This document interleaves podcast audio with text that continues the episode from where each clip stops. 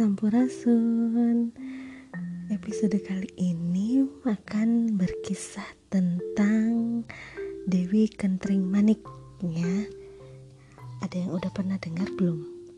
Nah, Dewi Kentring Manik ini adalah Dewi cantik jelita pelindung kota Bandung.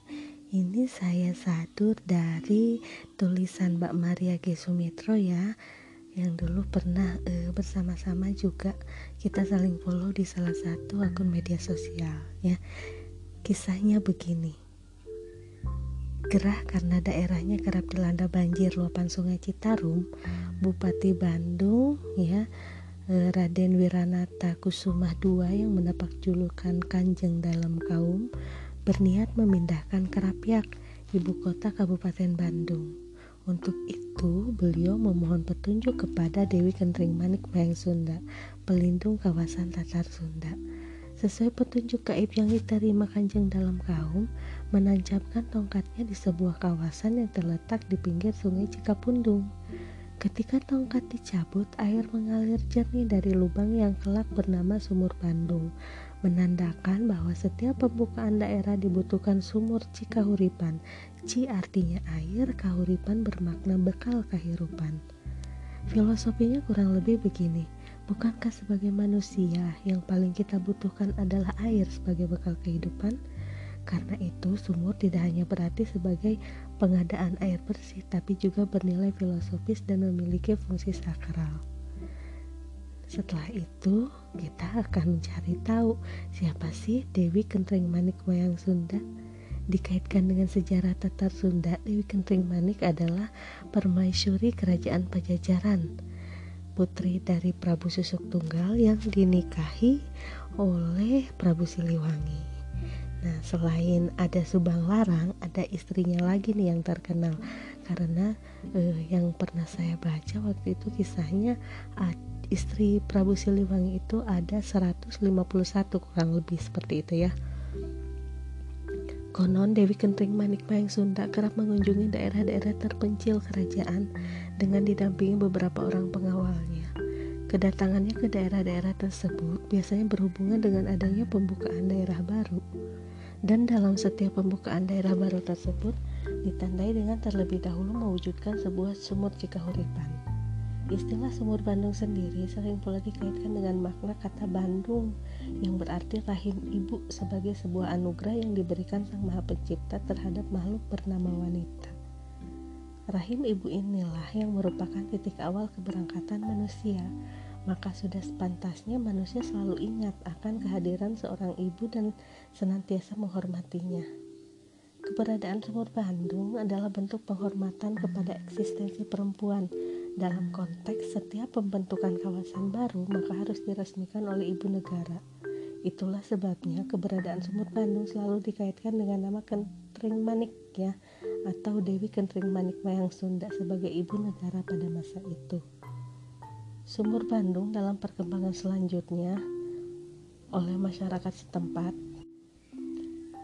dianggap sebagai sumur keramat karena adanya nilai keramat ini atau nilai-nilai sugestif yang berasal dari para leluhurnya baik dari tokoh sejarah dan pendirinya maupun nilai-nilai budaya tradisi yang pernah hidup pada masanya maka wajar kemudian muncul upaya pelestarian nilai-nilai budaya tradisi dan penghormatan kepada tokoh sejarah yang terkandung di dalamnya.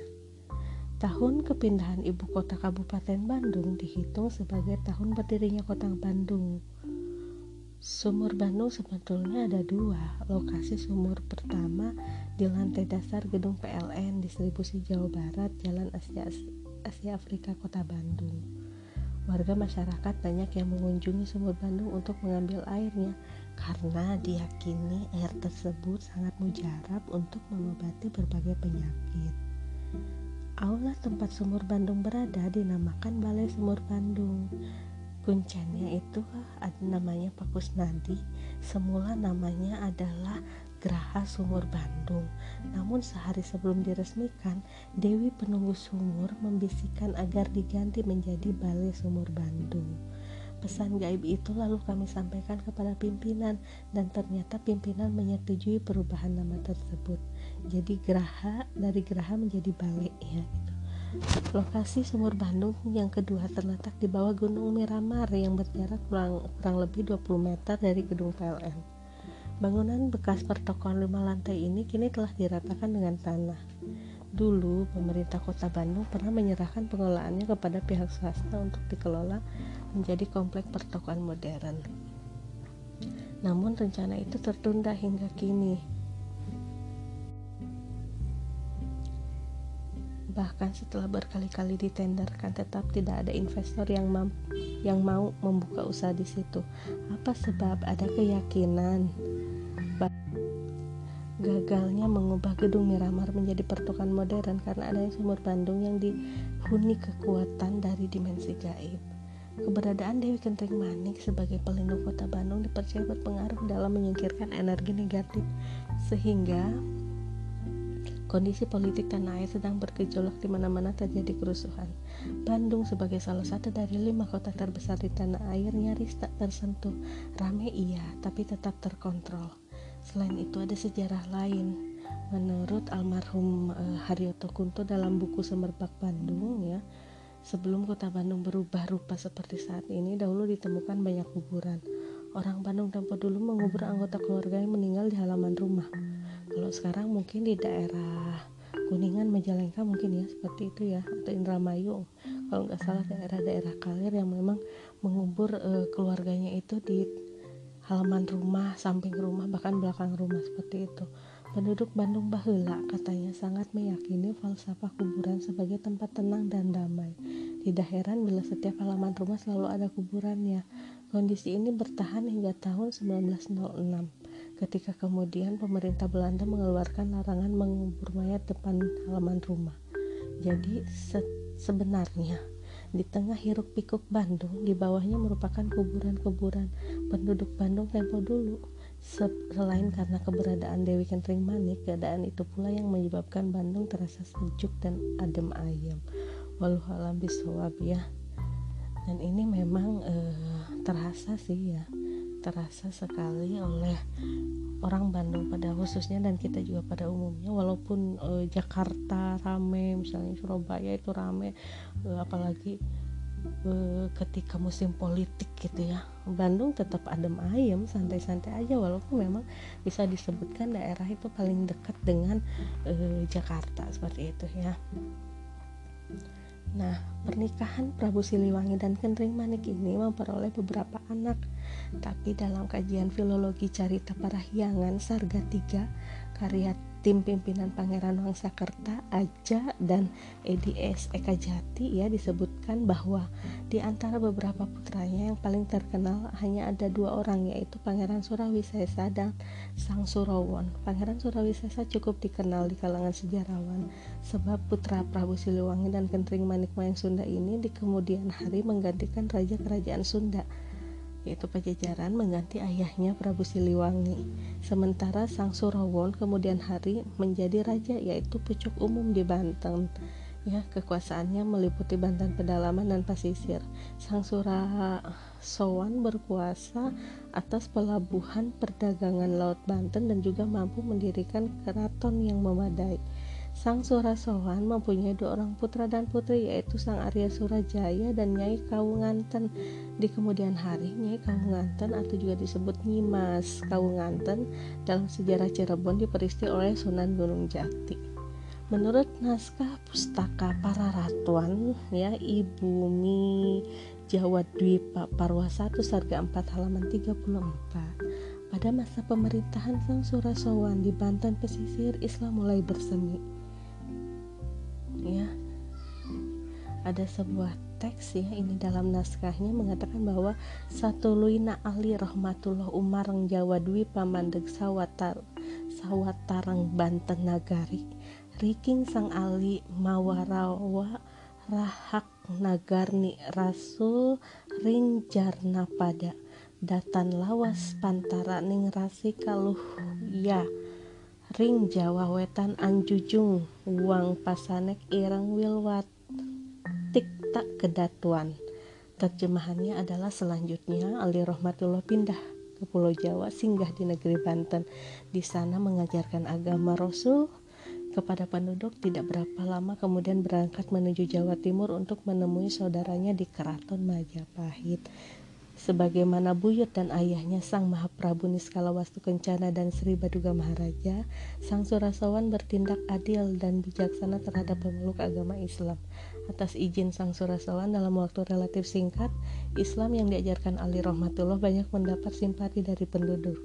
Kemudian banyak yang menjadi murid uh, Ali Rahmatullah dan bertugas untuk uh, menyebarkan Islam di Banten seperti itu ya sepeninggal Ari Rahmatullah kerinduan masyarakat Banten terhadap ajaran Islam terobati dengan kehadiran Sarif Hidayatullah atau Sunan Gunung Jati yang singgah di negeri Banten sesudah singgah di Pasai atau Sumatera. Ya dalam teksnya naskahnya itu ada seperti ini. Tumuluiring jaksua padun pak mandegin Banten nagari ungke jan ma jan mapakda akweh ik kang mekulagama rasul mapan pangwararahan ira saya rahmat saking ngampel gading ya. Nama sidam susuhunan ampel juga wang pasanak ira. Terjemahannya adalah selanjutnya di Pulau Jawa singgah di negeri Banten. Di sana banyak penduduk yang sudah memeluk agama Islam. Karena berkat binaan Said Rahmat dari Ampel yang bergelar susunan Ampel yang terhitung masih saudara juga gitu. Ya. Dari sini kita bisa melihat bahwa memang keturunan dari eh, Prabu Siliwangi Sri, Pad, Sri Baduga Maharaja itu memang banyak sekali ya tersebar terkhusus di daerah Jawa Barat gitu ya. Dari ujung ke ujung seperti itu. Dan banyak sekali yang eh, sejarah atau versi yang mengatakan bahwa memang keturunan Prabu Siliwangi itu menyebarkan Islam merata dari ujung eh, Jawa Barat ya. Ujung yang paling eh, di ujung kulon sana dari mulai Banten sampai ke daerah pesisir. Bahkan mungkin melewati itu ya melewati itu ke eh, daerah Mataram jadi uh, dari kisah ini kita bisa mengambil kesimpulan bahwa memang seorang ibu ya mengambil nilai ini ya. Nilainya kita ambil.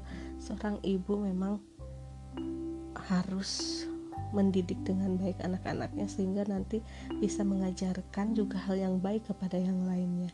Dari kisah uh, Kentring Manik ini kita bisa mengambil sebuah pelajaran lain yaitu dengan hati yang suci mungkin ya e, apa pun yang kita lakukan itu akan menjadi baik seperti itu.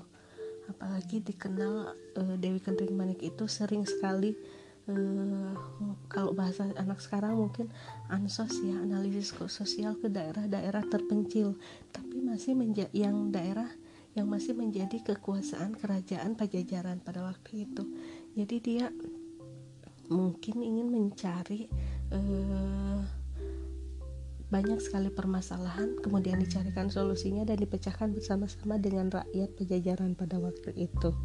Nah, sampai di sini eh, untuk episode kali ini sedikit singkat ya.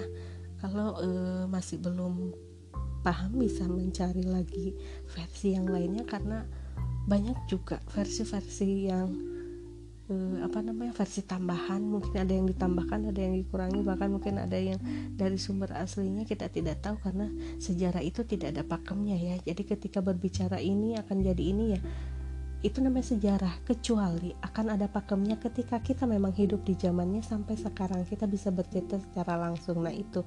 Tapi kalau saya saya tidak hidup di zaman Dewi Kenring Manik ya saya hanya menceritakan menyador kisah yang sudah ditulis oleh teman saya, kemudian saya kisahkan di sini.